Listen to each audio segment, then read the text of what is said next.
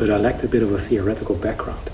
So I wanted to understand there must be people that have studied at length how we should uh, deal with either human rights or climate change, or whether or not it's a responsibility for a corporation to act or an individual, and uh, whether or not it's a responsibility, whatever. Um, so that's why I started looking for for uh, for again uh, to go back to university, and ultimately ended up in Utrecht, back uh, back in Utrecht again, to to study applied ethics. Only five years ago.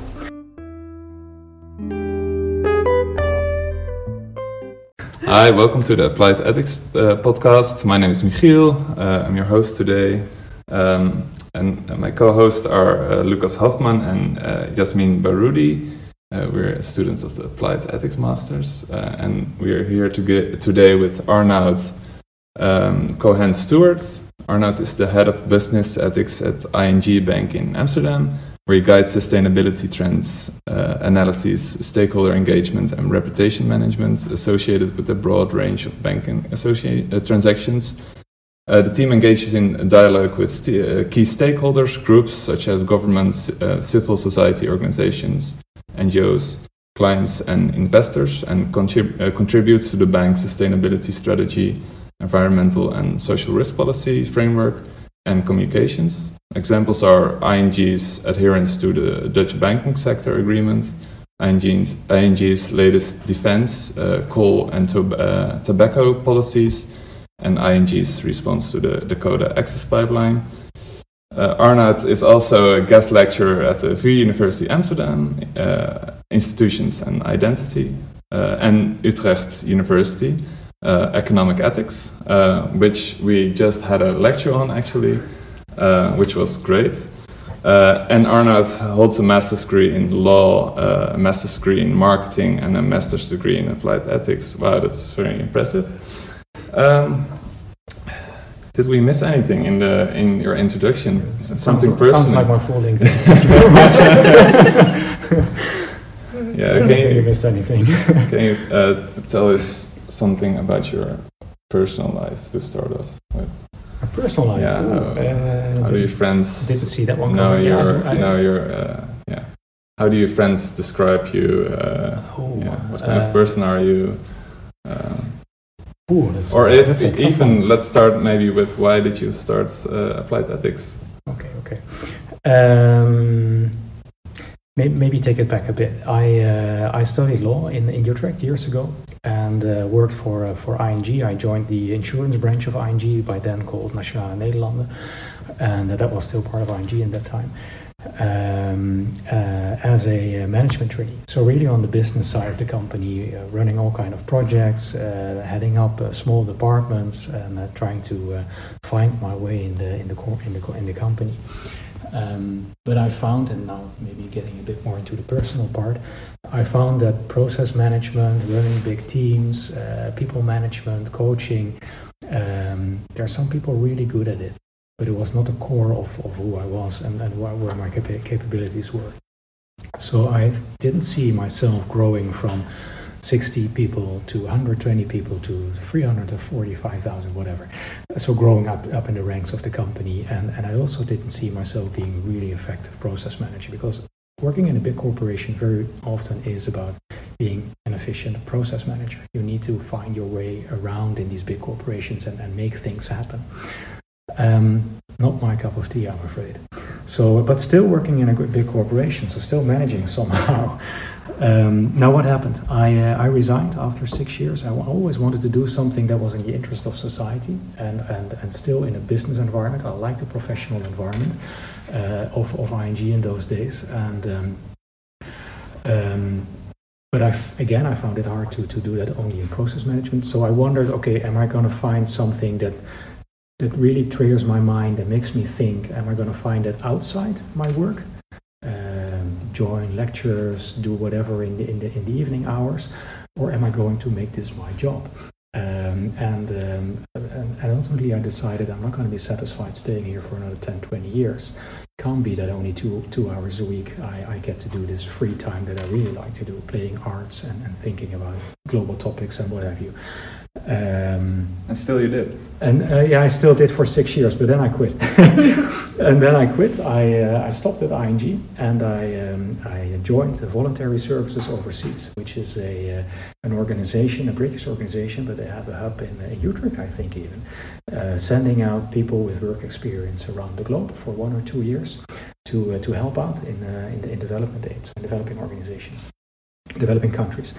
Um, they have uh, nurses, uh, teachers, uh, business people, uh, people who know how to to to to uh, develop and design clothing.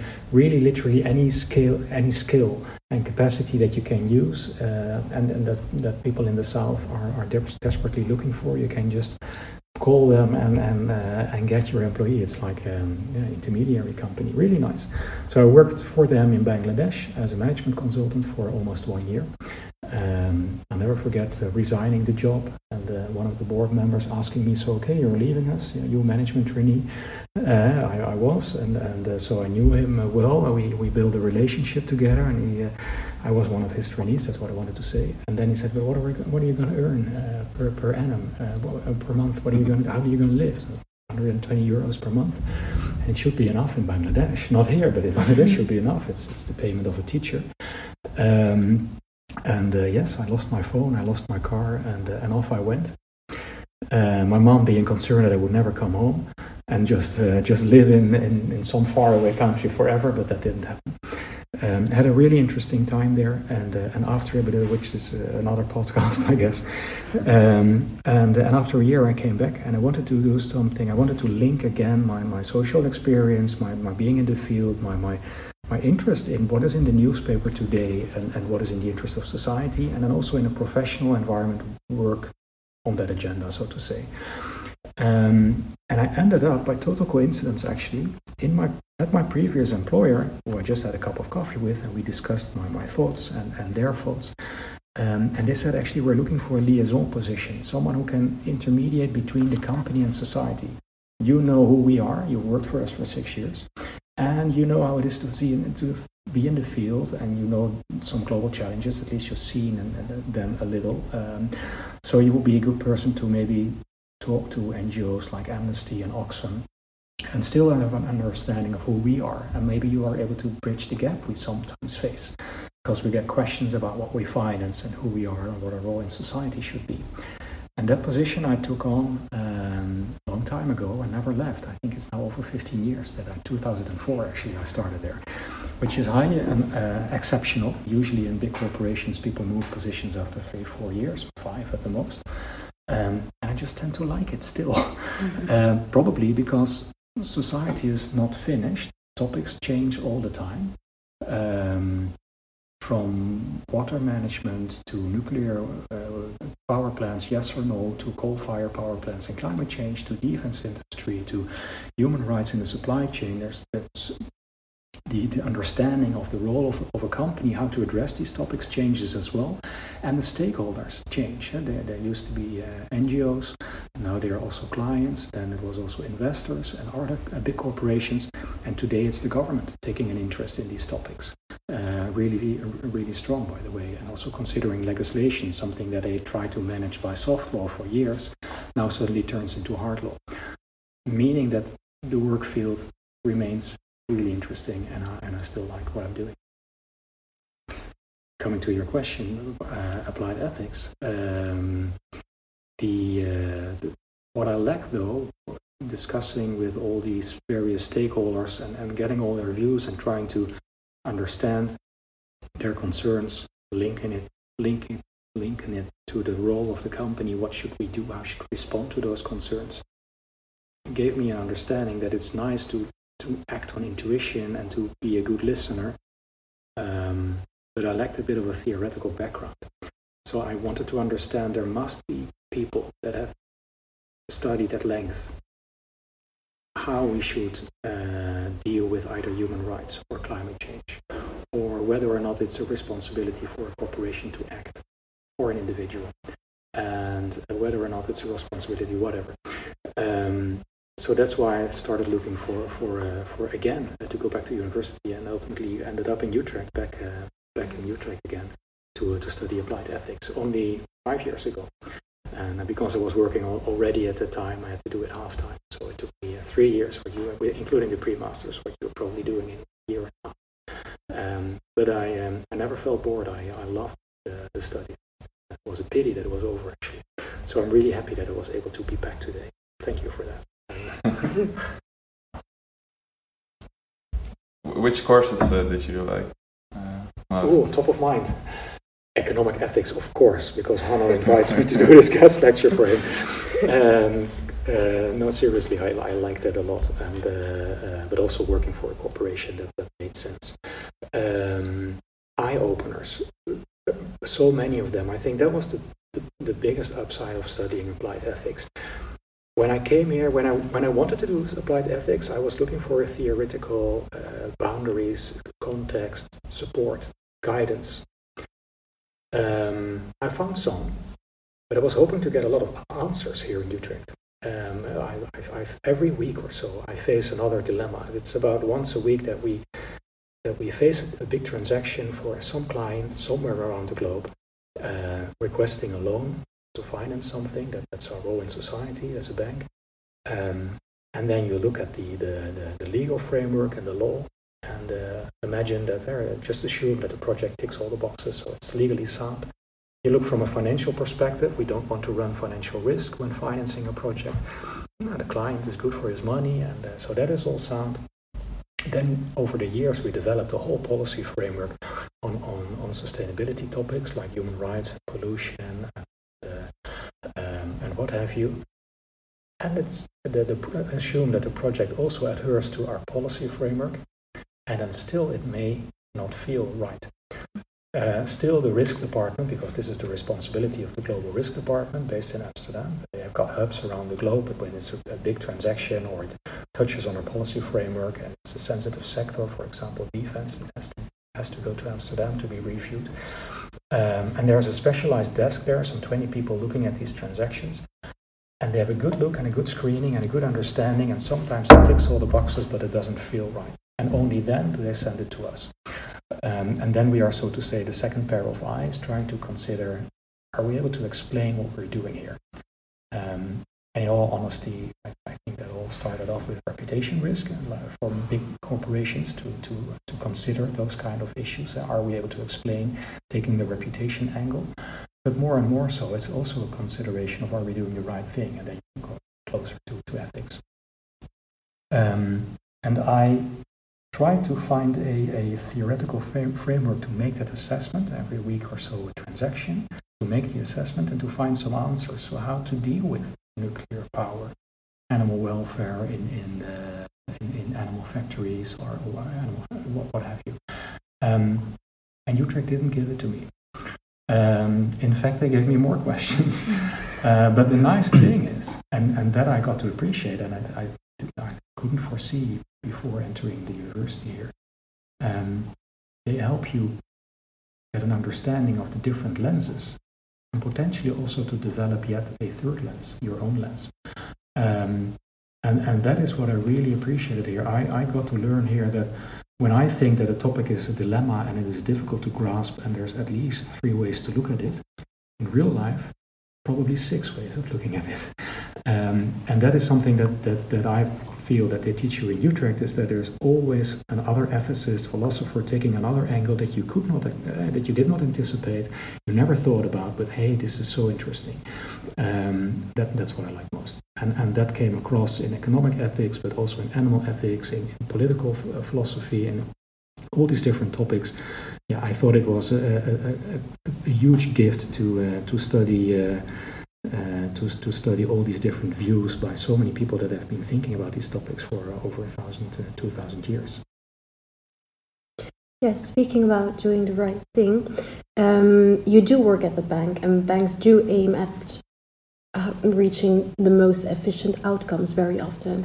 And I wonder, is there often a clash between efficiency, one of the things you didn't really like in your previous position, and ethics in general, and how do you deal with that clash?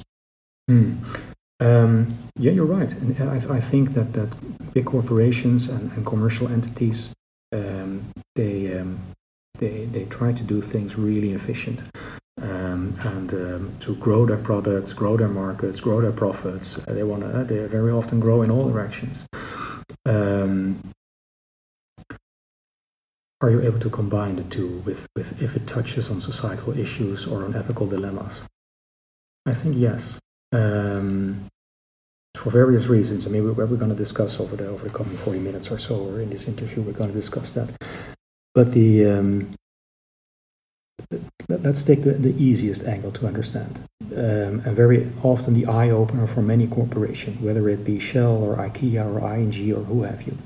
I think all the big corporations uh, ran into a wall sooner or later facing uh, societal upheaval and concern about a certain topic, whether or not they're financing something, producing something, or with child labor involved, or what have you. Um, if there's a, a lot of pushback from society, you can be assured that is an eye opener. Um, and then people start managing the reputation of the brand because that is very dear to companies. They in a competitive world Everybody produces bottles, chairs, uh, houses, uh, or provides credit as a bank. You can get your credit at us, but also at the competitor. Credit is a credit, it's just a commodity. Um, so the reputation of the bank or the corporation is really important to them. They go at great length to make sure that you want to have the first Apple and not the first uh, Samsung, whatever. So reputation is important. Um, using that reputation card will bring you all the way up to the uh, all the way up to the board if you have to. Um, and the interesting thing is that if there's real reputation at stake for the brand and for the company, the individual transaction will never outweigh the, the interest of the brand reputation. So yes, of course, there will be. You have to you have to disappoint an individual client. You may have to dis disappoint an individual manager of, of a business unit or whatever. But at board level, when they overlook all the interests of the entity, mm-hmm. of the corporation, suddenly reputation becomes really important. Um, so if you have an individual case, the process is really efficient, we're going to make some good money, and but nevertheless we feel we're running into a wall, it, it's, then it's our job to make sure that the reputation risk is not going to happen. So pre- mm-hmm. preferably, we would like to advise upfront, mm-hmm. better not. Yes. And then we have to find the arguments why we feel better or not. And that takes sensitivity and a good antenna into societal uh, developments, uh, which is fun to do because mm. you get to read the newspaper and to understand what's happening out there. Um, so the reputation angle will take you a long way to stop harm from happening. And but it cannot bring you the whole way, and mm. it's not always, it may not, for an ethicist, may not be nice. Uh, trick to use. Mm-hmm. Um, but nevertheless, sometimes it's also about outcome. Yes. Uh, the consequence and the intention to, to take them apart. Um, so the reputational angle is actually almost a strategy. You have to play dirty to play it right. Yeah, I don't think it's dirty, but I do play it right that way. Yeah, I totally agree. I think it's practical. um, no, yeah, it's it's it's interesting. I um, it's just like it's just an organization is just like a small society that, that we've got. I think we've got fifty thousand people working in, in our company. Um, to some, if there is an ethical dilemma and, and you have an ethical debate whether or not something is right or wrong, they will take it and they will follow your rationale and they will feel that it might be a moral wrong. And it may help um, to then put a couple of moral uh, theories on, on, the table. That's well, ethical theories on the table. That's wonderful. To others, might be less sensitive, or they have uh, uh um, they have various interests. Maybe it is the, the bottom line is at stake. Maybe they uh, there is a big prog- program that they have to abandon after two years of hard work. There may, there's all these different layers when people make decisions. Um, maybe he or she might agree with you in private life that we rather not. But hey, here we are in a business environment. Here there's so much at stake. Here it's already committed. We're already signed. We're already this. We're already that. So it might be really difficult to to to really effectuate that change or to, mm. to do it in a different way. Then I start looking for different arguments. Mm. So uh, I'm not going to have a, a, a moral debate with someone who's not able to listen to it because he is just his, his her hands are tied by other obligations, and there is no room in the in the mind, in the head, to to to have a nice ethical debate for two hours on the topic. um, we better start talking reputation, which is Im- uh, uh, immediate and urgent. Or you start talking financial risk, or you start talking, um, uh, uh, we see government developing legislation, uh, this is a pot- potential risk, or a huge opportunity. If we move that way, there is a whole market ahead of us. That's where you need to go, run off. People are, some people are just good in running off, better than I am. And then, then so I, th- I, th- I think we should not try to, to, to nail everybody to the table and make them see that it is that is there's this ethical theory that would help us to take it in a certain direction. It's good thinking and it will help you to develop your point of view, but it may not be the best strategy to get what you Mhm. want to. So yes, sometimes it's. Uh, I don't think it's a trick. I think it's a toolbox. Uh, Yeah, it's a very, it's a, it's, it's a tool that takes reality into account, things that, as they are, because I think in an ideal world, we would just uh, provide justification why things should be how they should be, but that reality is that there are a lot of things at stake, a lot of different um, um, obligations, a lot of people who cannot change or can make big, big, big changes because there are a lot of money issues at stake. Um, so you have to take that into account as well. Yeah.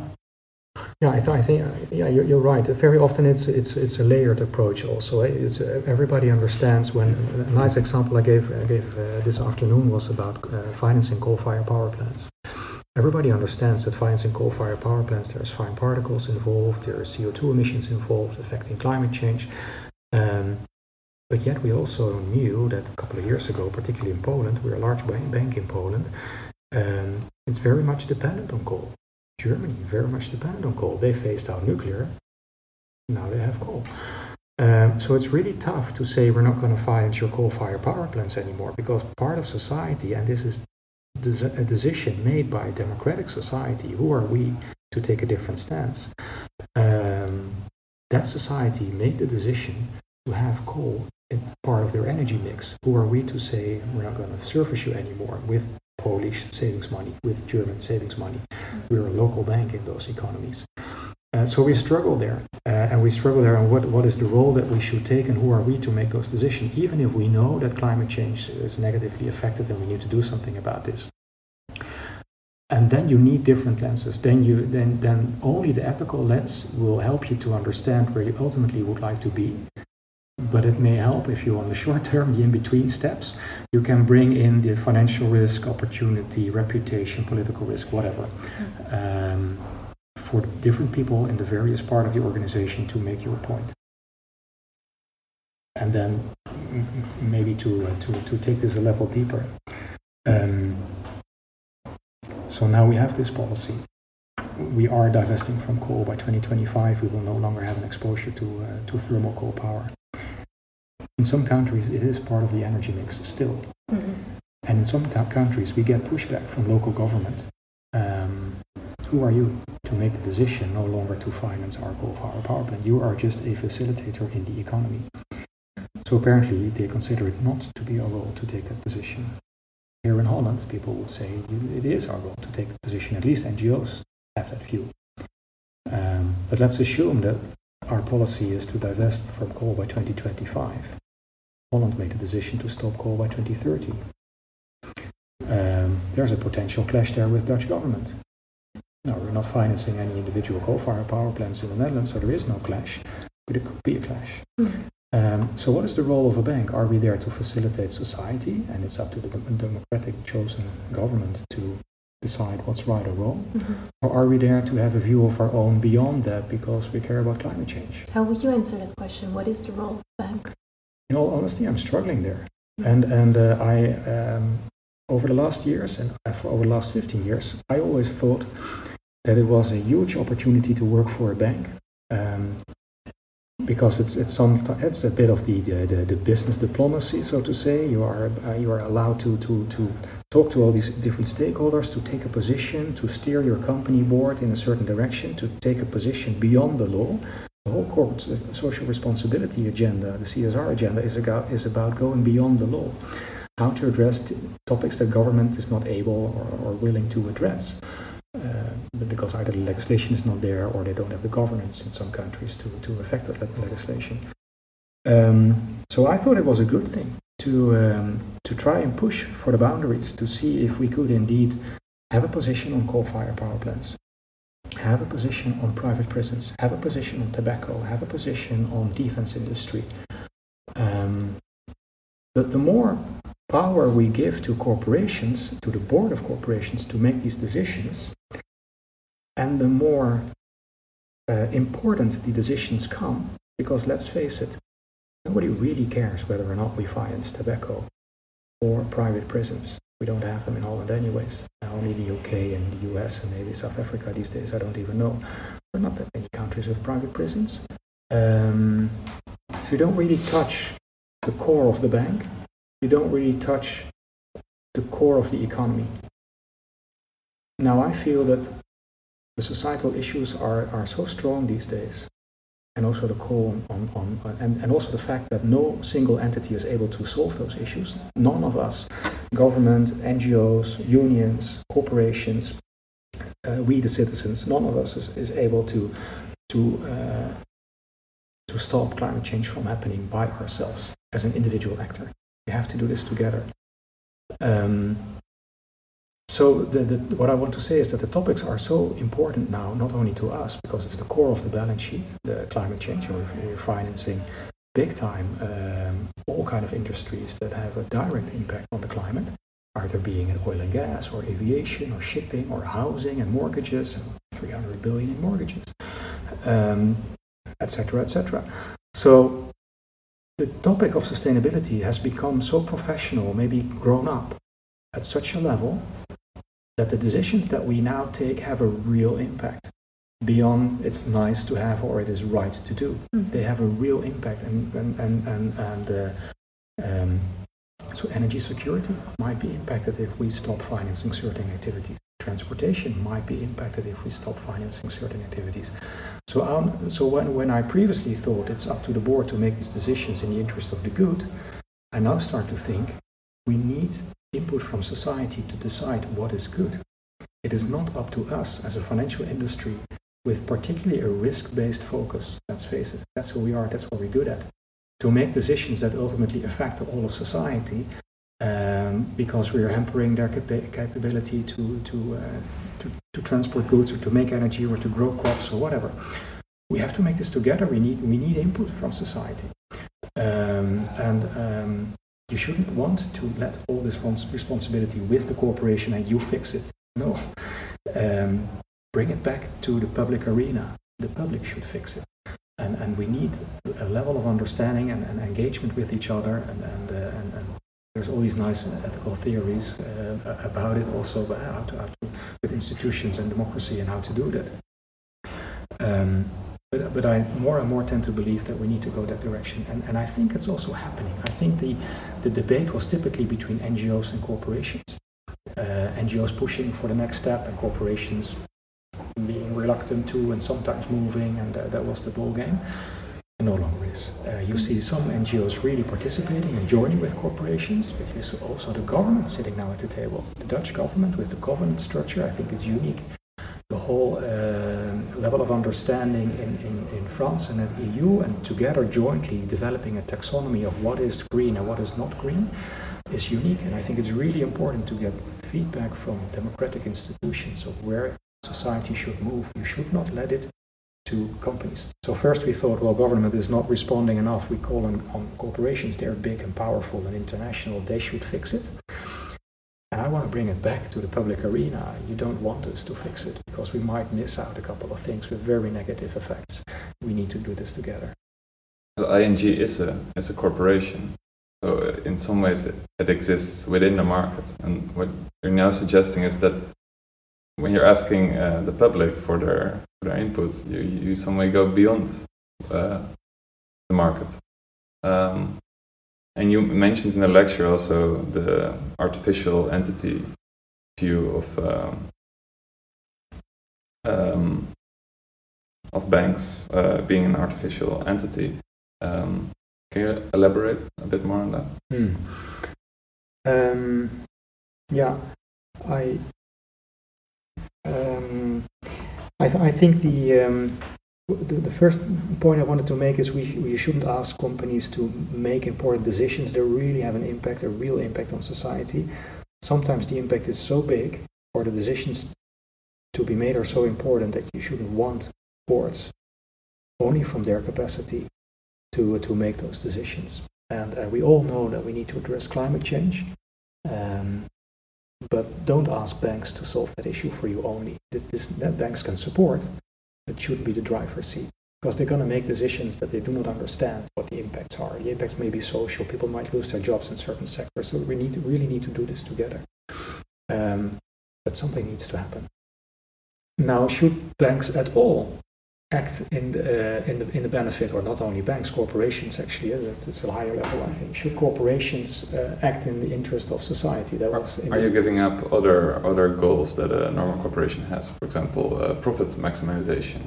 Um, does it move into in, uh, in the ranks of uh, priorities? Or if, or if you, yeah, uh, is the company still profitable if you if you you go the ethics way? I think so. I think we I think we have to go the ethics way because it's also it's it's previously it was explained as a, a, a, license to operate. If you go contrary to the interest of society, you've got an issue. you will be taken out of the market sooner or later. Um, so yeah, I think we have to take ethics into consideration if we understand ethics to be of what is in the interest of society. Um, the question only is who's going to make the decision. That is now more and more my, my, my thinking of who is to co-design co-design these these decisions. Should we do more than just profit making? Absolutely. Um, also because in the long run, I think it's our interest. Uh, or it might be right. I, I, think the example that I gave in, in uh, this afternoon, uh, tobacco to us was an issue where it was purely an ethical debate is this a right or a wrong to do? And it was it was no more than that. We had we had a couple of clients in the tobacco industry. We had a sizable portfolio, so it was a serious issue. But no campaigns, no reputation risk, no financial risk.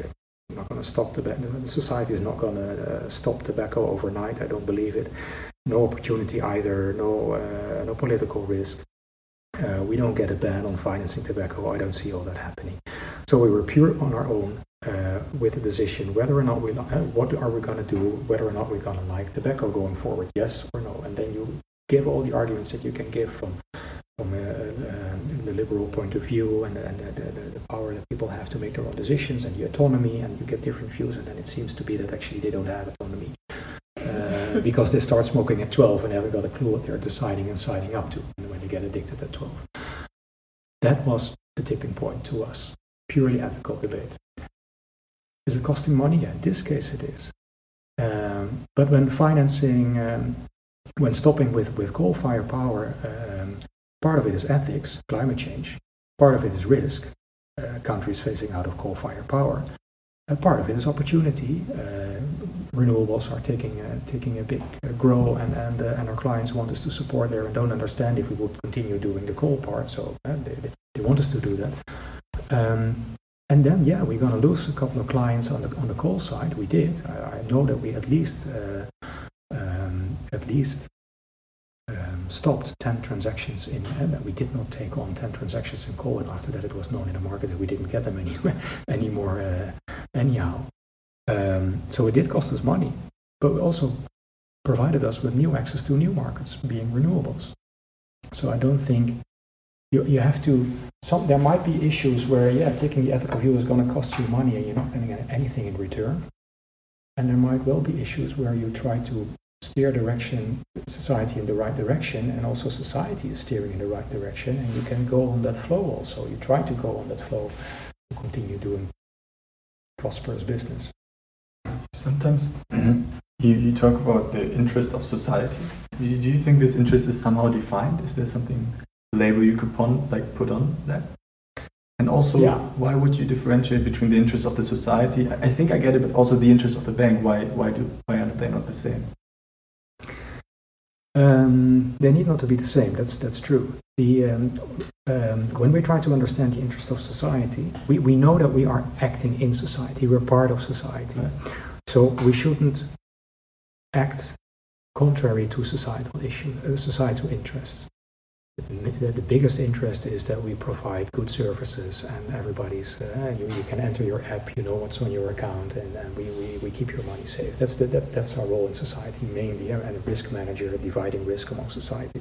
But it goes beyond that um, because our impact indirectly through what we finance is so Right. big. That notion i think is clearly there for years now. Um, and um, that's one Two, your, so we know that we have an impact on society with what we do, and that comes with a responsibility. Knowing the story, and you cannot ignore it anymore. You have to act on it. Uh, so we have to make a position there. So what we have to take a position there. What are we going to do? Um, if someone comes to us and says either animal welfare issues or climate issues or human rights issues, once the story is there, it cannot be ignored. Um, also a nice, uh, nice notion I, I got to learn here, um, and it's true. I think. Now, the, what are what are important issues? What is a societal issue that we should take on and not? Um, there we find ourselves guided by other institutions than ourselves. We, again, we are bankers, or others are producing cookies or biscuits or toothbrushes. Uh, we don't, uh, corporations don't know these things always. Uh, but then we have the UN saying that the Sustainable Development Goals are the core priorities of society, or we have the Paris Agreement saying that we have to maintain within two degrees, support by scientists. We're not challenging science.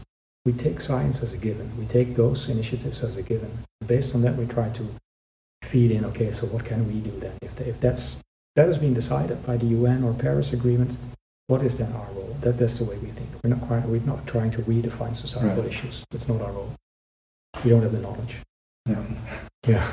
But by listening to society, because um, just to come back to that point, um, that society is kind of a reflection of of reality at a certain moment, kind of a mirror. Sure. Um, but at the same time, sometimes there is a division in society and quite black and white. What you do then? Yeah, that's a tough one. Um, sometimes society even doesn't see or doesn't mind. Uh, what, what, uh, the, the, the famous example always is, uh, is, is uh, slavery. In, in, in those days, it was quite fine, and, and today it's absolutely not. Uh, Mhm. and why didn't we see it in those days? And I'm sure that we are we are financing activities that the legislator and society doesn't even consider wrong. I think tobacco is is, is a bit of that. It, it's uh, clearly everybody understands tobacco is wrong, but well, we, we still accept it's there. The companies are just operating within the legal framework, and they're booming business, particularly in Asia. It's amazing. Um, so this was again, this was clearly an, an ethical debate that you then have. Uh, okay, what, what are you going to do about it? Now your question is okay. What this is, might be an easy one because it, is, it might be the right thing to do, but there's also no downside risk. Mhm. A little financial cost, but no downside risk. It is not that half of your clients is going to run away when divesting from tobacco. Yes. It's not that, that society is, div- is, is, is divided over what you think or do. Mhm. Yeah, that is an uh, that, that is a really interesting development that I haven't I haven't been able to grasp yet.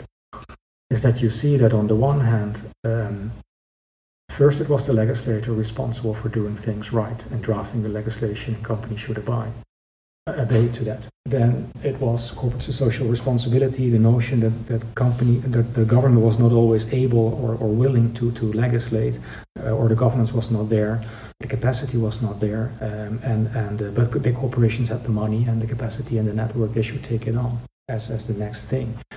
Um, and um, now I'm I think that we are able and willing to take a couple of things on. Although I, I wonder, okay, if it's really impactful, who should decide? Do you really want to put that, that power with corporations? Um, and I think, again, what is happening after that is that governments are taking power back, so to say. So they want to sit at the table suddenly to discuss corporate social responsibility. Quite awkward because they can also go to parliament and just uh, adopt legislation. That's their power. They don't do it. They uh, they have a moral call on corporations to go into a certain direction. Actually, they use both now. Um, but the, the soft law component is, is gradually growing into a hard law component. Um, so they're more and more steering on, on, on corporations on what they feel is is, uh, is is right behavior for a corporation. Um, either whether or not you, should, you should pay your taxes and no longer seek to av- avoid it uh, through different structures, or address human rights, or address climate change, or address uh, textile industry in Bangladesh, uh, the, the, the covenant on the in, in the response to the Rana Plaza disaster. Really interesting. So government is getting closer to wait a minute what actually what you're doing might have a negative impact not even in my territory and jurisdiction but even around the globe. We don't want that we, we want you to address that. So that debate is opening. Mhm. and i totally support that by the way. I think because i want that input i don't think they should ask corporations to do what's right. I want this societal joint uh, understanding of what is important to us and what is dear to us and what should we take on. Um, but if you put it back in the public domain, so to say, okay, so which direction should the corporation now take? Because suddenly government takes an interest these days. Then you get to, to the level that uh, government may take a very particular interest. And that's what you, for example, see with happening in the US, where, um, where the administration calls on corporations to bring their, uh, their production capacity back into the US from China, from Mexico, from whatever, uh, to support the local economy. Um, so that's a really strong call um, on, on corporations, and it's not about uh, profit maximization, whatever. It is about addressing right? a societal issue at the same time, namely uh, employability in our country. Um, um, so, the, the really interesting development. Um, and you can understand even to a certain level, and, and, and my, my paper was also about that. I think it is totally fine to have an open dialogue with, uh, with uh, government and corporations on what can we ask in return for everything that we're giving you, a corporation, the, the legal personhood and, and, and, and pertu- pertu- perpetuity, ever, ever long lasting life, difficult to pronounce, um, entity shielding and, and all that. What can we ask back? I think it's a fair debate to have. Um, but it's a fair debate probably to have within the US with a US based company, particularly dependent on the US government. But now you also see that happening very strong in, in, in China and Hong Kong and Cathay uh, the Pacific. CEO being, uh, uh, being withdrawn uh, due to his stance that the company is independent from politics and his employees all to have the right to think what they think and act how they like to act and do in their private life what they want to do. If they want to protest against China and Hong Kong or not, it's up to them. Apparently, it's not. Not in China, not in Hong Kong. Really interesting. Um, and it's also with now the US asking the Dutch government not to export ASML goods to China. So companies, governments calling on companies what to do, what not to do. Um, I, th- I think that is back on the agenda. And, and uh, uh, Nike and Kaepernick, I, I gave that example as well this afternoon. Half of society in favor, half of society opposed to that step. Um, maybe it's it's it's uh, it's a new development. Um, as c- companies also want to be really close to their clients, build their brand, appeal to your values, um, because that will make you link to them and wanting to buy and, and you want to flash their products because it's part of your identity only. If you're so close to your customers and your identity, your marketing is apparently so successful, you also probably touch on their values. So suddenly, if the values of your corporation, the acts, what you do, no longer are coherent with the values of your clients, there's potential for a clash. I think that is the challenge for corporations. If you want to be so close to your clients, you have to maintain honest and sincere, and then you have to also live up and all through. It can't be that today you care about climate change and tomorrow you don't. You either do or don't. Um, and, and that is, yeah, I, th- I think companies are more and more asked to take a position in the public domain also on, on political issues, which is really challenging because they're not used to that. They're used to making money and products efficiently. And now they're asked to take a stance. Um, and they find that really hard. But I, I think that is the direction that we are taking this these days, either because we feel that companies are partly artificial, so partly at least owe to government, um, or Trump thinks that he can call on government, and Chinese government also thinks that he can call on, on, on corporations. Sorry, on, on corporations. Um, really interesting development, Yeah. and and and um, and particularly so if uh, if the com- if the countries where you're acting, and, and these are big companies with, uh, with multiple countries where they do business, when these uh, values are different. Mhm. Uh, and in a world where values differ, and where you have half of society pro and the other half against Brexit, or pro or against uh, uh, Trump, pro or against whatever, um, it's going to be tough, I think. Really interesting. However, it does seem to be the case that ethics is becoming more popular. Because I was wondering, since when does the ethics department exist at the ING? Ah, okay. I think ethics is becoming more important because companies really will understand that they they, they need to understand the values of their clients and of Mhm. society to be able to do the right thing and, and potentially to take a stance on the right side. Um, and that, that requires sensitivity and an understanding of, of the different views and the different lenses. Um, I think we built this team, ooh, uh, we faced a request to stop being active in Burma in the late 90s. So we had a, a hub in Burma, financing local uh, Dutch businesses in, uh, in Burma. And we asked to stop that uh, in the late, late 90s. And that, that built the awareness of, wait a minute, where, are we financing? What are we doing? What is, what is the local environment there? Mhm. Uh, and that then developed into a whole notion of, of uh, high-risk countries, high-risk sectors, and from either from mining to pipelines to what have you, and to, to build policy to prevent us from running into trouble and to making the right decisions. Um, so it, it, it wasn't called ethics in those days, No. Um, but it was surely bringing in uh, different lenses, different interests, different views. Um, I've been on the job, I don't know, I have to look at my LinkedIn. Uh, I'm the first head of ethics, but I think for six years now or so that it's called that way. But it is fairly new, relatively. Because it's not new that banks do have an impact on society or No. that their choices right. have You're right. a big impact. Yeah. But I think it's a new trend that we're studying the impact more and we're taking it more seriously and not just as a side effect of making money. Absolutely, and and really interesting. If you look into um, uh, annual reports by, by corporations, now that, let's focus on banks. If you look at annual reports by, by, by banks in the 1980s or so, you will typically see this is the uh, impact of our operations, operations, our Mhm. offices, how much water we use, how much people we educate and and and, and employ, um, how much uh, power we maybe consume. That was it. It was the direct footprint of the company that was at stake, and, and they felt there was an obligation to steer that direct footprint in the right direction. We're no longer there. We're way past there. So now we're now we're thinking, okay, it's not only about our direct footprint, which is zilts, it's limited. We, we don't produce steel. We're not a we're not a hefty polluter directly.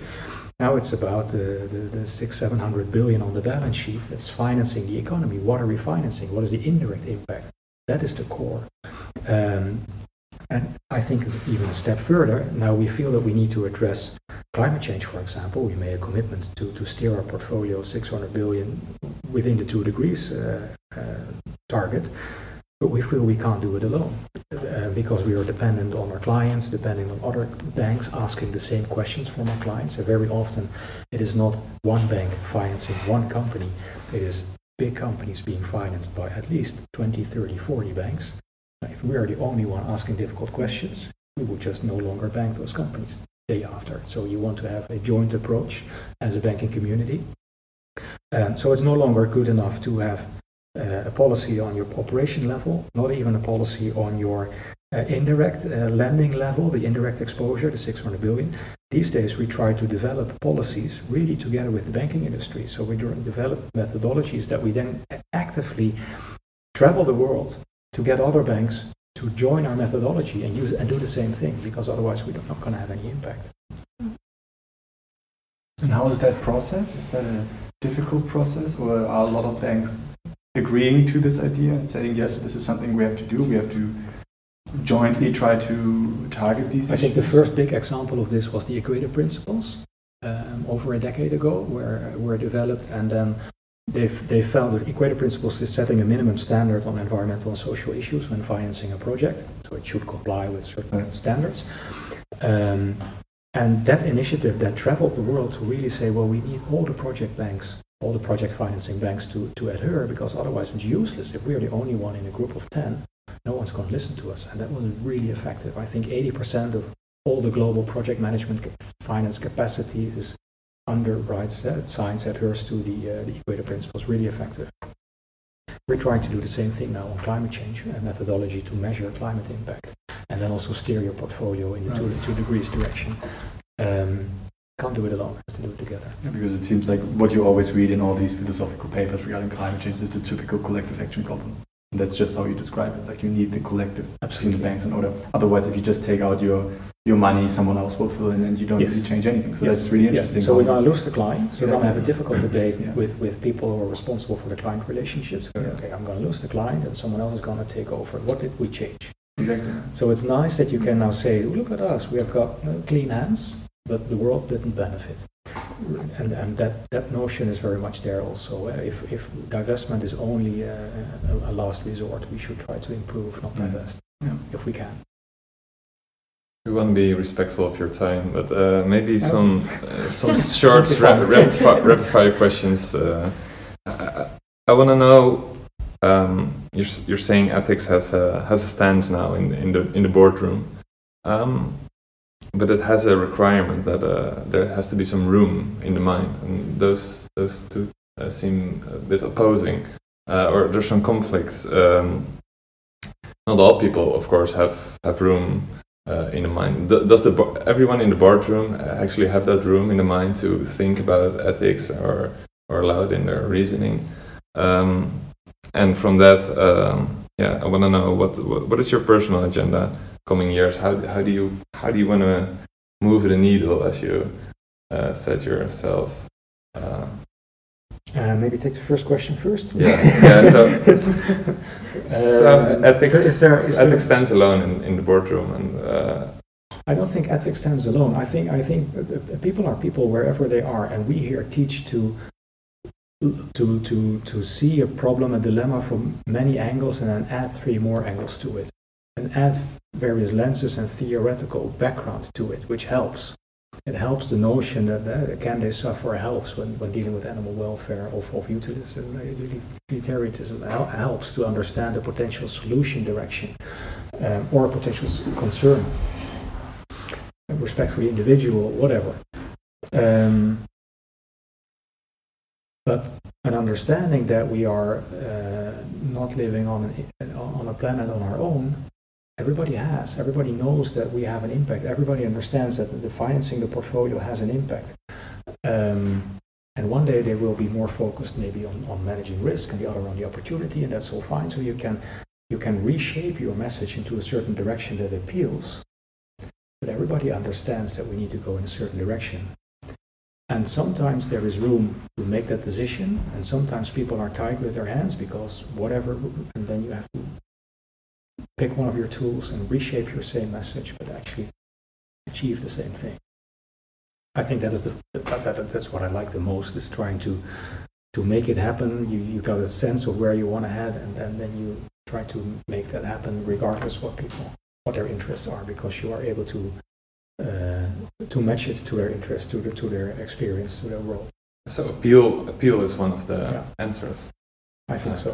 Also a bit of marketing, it seems. Yeah, Market that's an idea to the people and translated to their formulated, environment, to their world, mm, and and um, I think that makes sense. Yeah. And from that, uh, what's your personal agenda coming years? How do how do you want to move the needle? And also maybe for other the, for the students of applied ethics or other ethicists, uh, what do you recommend? What what what they what they what should they dive into? Uh, how, how how can they move the needle? Can they move the needle? That's one of my main questions. Ooh, can they move the needle? Um, I, th- I think you can. And, and um, I think you can. I think uh, here in Utrecht uh, there are a couple of people, uh, your your academic, your teachers. They really develop thoughts and thinking that is inspiring and is changing the debate. The whole uh, you, you mentioned you mentioned the artificial view of how to see a corporation and whether or not they are obliged to, to, to politics to, to do certain things or not, or linked to politics or independent entities aggregated from shareholders, no link to, policy, to politics whatsoever. Those kind of views are developed by ethicists also, and they, they develop over time in society, whether or not something is right or wrong. So I think thinking about these topics and expressing your view shapes the debate, which is really important. Uh, when, when, when we were divesting the Dakota Access Pipeline, It did not move the needle on the ground. The pipeline is there. We have not been able to stop that project. The fact that we were the first bank to divest from the project hit the news all around the globe and put indigenous people's rights on the agenda. We were not the one who put it on the agenda, but we helped support the, the tribe and others to put it on the agenda. We're one, one little piece in that, in that chain. Um, so I think, yes, there can be an impact, how indirect there is. And ultimately, for me, I like doing things that have an impact on society and are relevant.